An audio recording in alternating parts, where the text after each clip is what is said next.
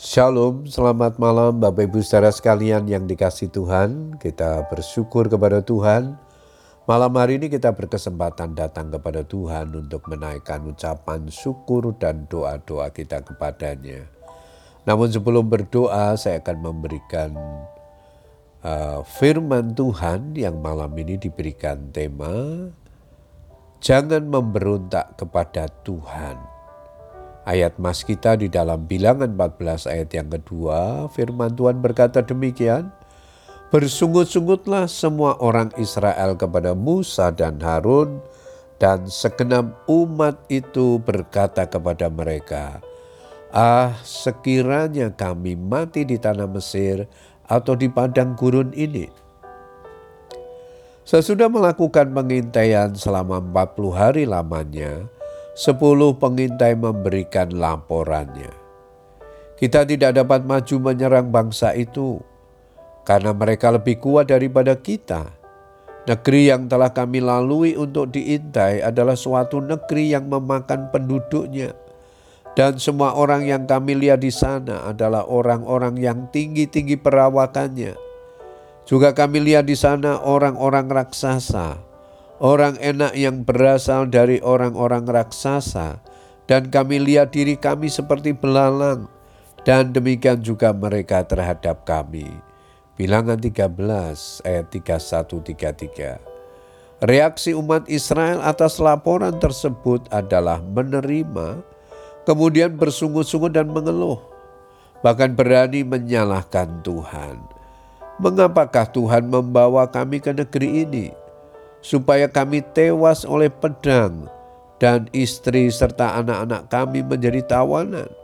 Bukankah lebih baik kami pulang ke Mesir dan mereka berkata seorang kepada yang lain, Baiklah kita mengangkat seorang pemimpin lalu pulang ke Mesir. Tuhan telah berjanji kepada umat Israel bahwa ia akan memberikan tanah perjanjian sebagai warisan dan akan menghalau semua musuh yang menghalanginya.